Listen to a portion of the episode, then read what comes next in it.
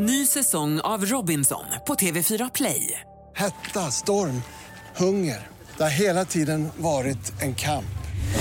Nu är det blod och tårar. Fan händer just nu. Det. är Detta är inte okej. Robinson 2024, nu fucking kör vi! Streama söndag på TV4 Play. Hallå där, det är jag som är Lotta Bromé och det här är ett inslag från Halv tre med Lotta Bromé på Mix Megapol. Hörrni, vi hörde ju i nyheterna att försvarsutskottet nu blixtinkallats då.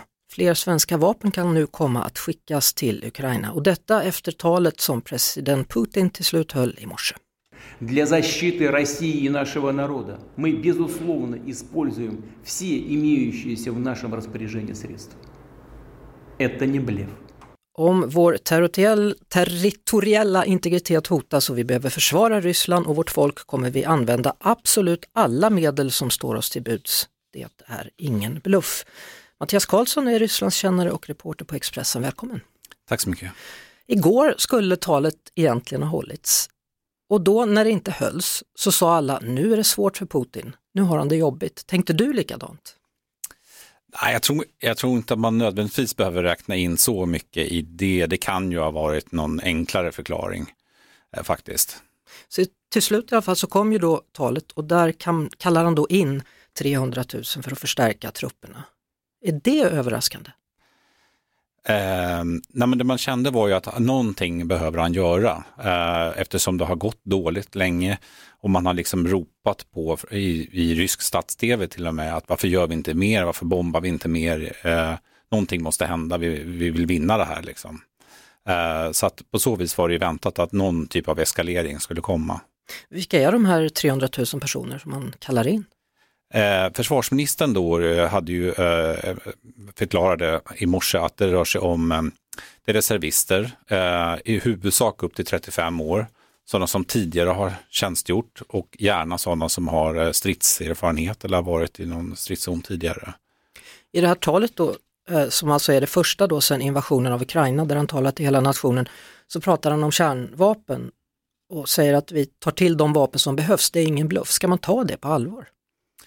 Ja, alltså han vill ju att vi ska ta det på allvar, det är ju uppenbart. Han har ju eh, liksom viftat med kärnvapen till och från här eh, eh under en tid.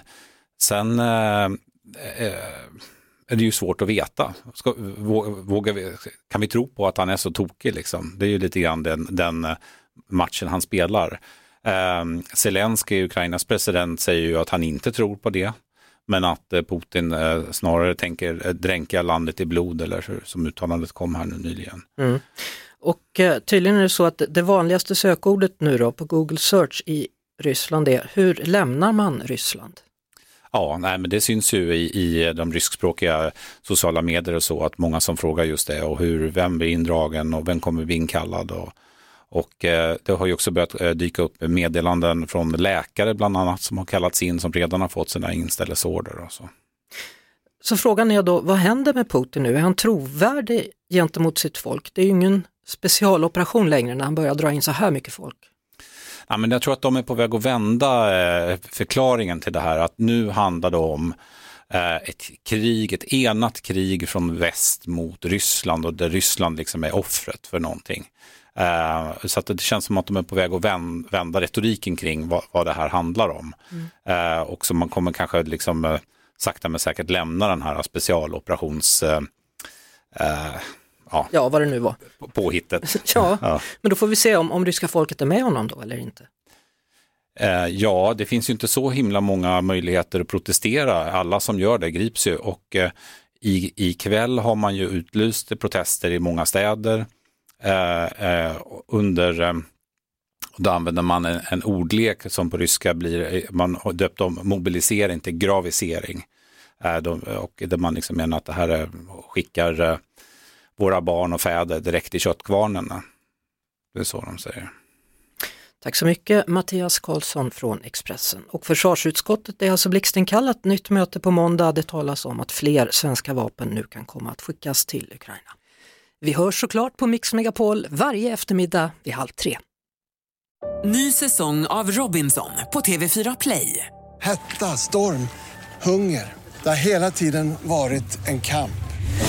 Nu är det blod och tårar. Fan händer just det. Det. är Detta är inte okej. Robinson 2024, nu fucking kör vi!